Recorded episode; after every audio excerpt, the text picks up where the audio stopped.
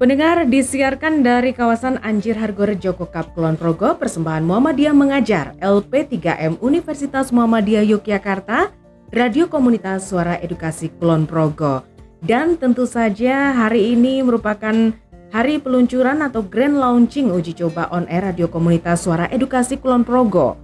Untuk kali ini saya sudah bersama beliau Bapak Dr. Insinyur Gunawan Budianto selaku Rektor UMY. Assalamualaikum Pak Gun. Waalaikumsalam Mbak. Baik Pak Gunawan, nah, tentu saja selaku Rektor UMY kita pendengar akan mendengarkan bersama salam juga sambutan oleh Rektor UMY Bapak Dr. Insinyur Gunawan Budianto. Silakan Pak Gun. Baik, uh, terima kasih uh, para pendengar yang budiman, para pendengar uh, Radio Edukasi Kulon Progo yang diinisiasi oleh eh, LP3M Universitas Muhammadiyah Yogyakarta.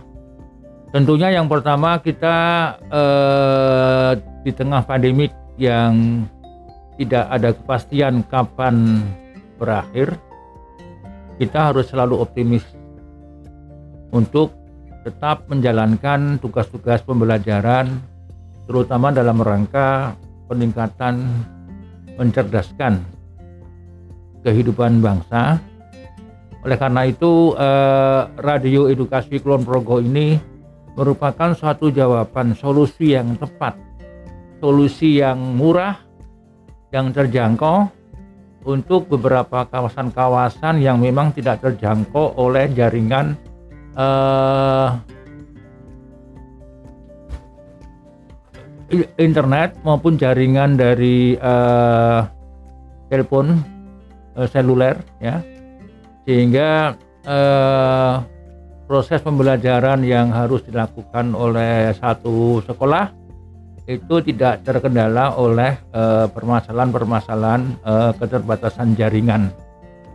Oleh karena itu uh, sekali lagi mudah-mudahan dengan hadirnya radio edukasi Kulon Progo ini bisa memberikan uh, solusi yang terbaik buat anak didik juga buat para pamong untuk selalu tetap menjalankan tugas-tugasnya di dalam proses uh, pembelajaran yang ada di sekolah-sekolah di wilayah Kabupaten Kulon Progo.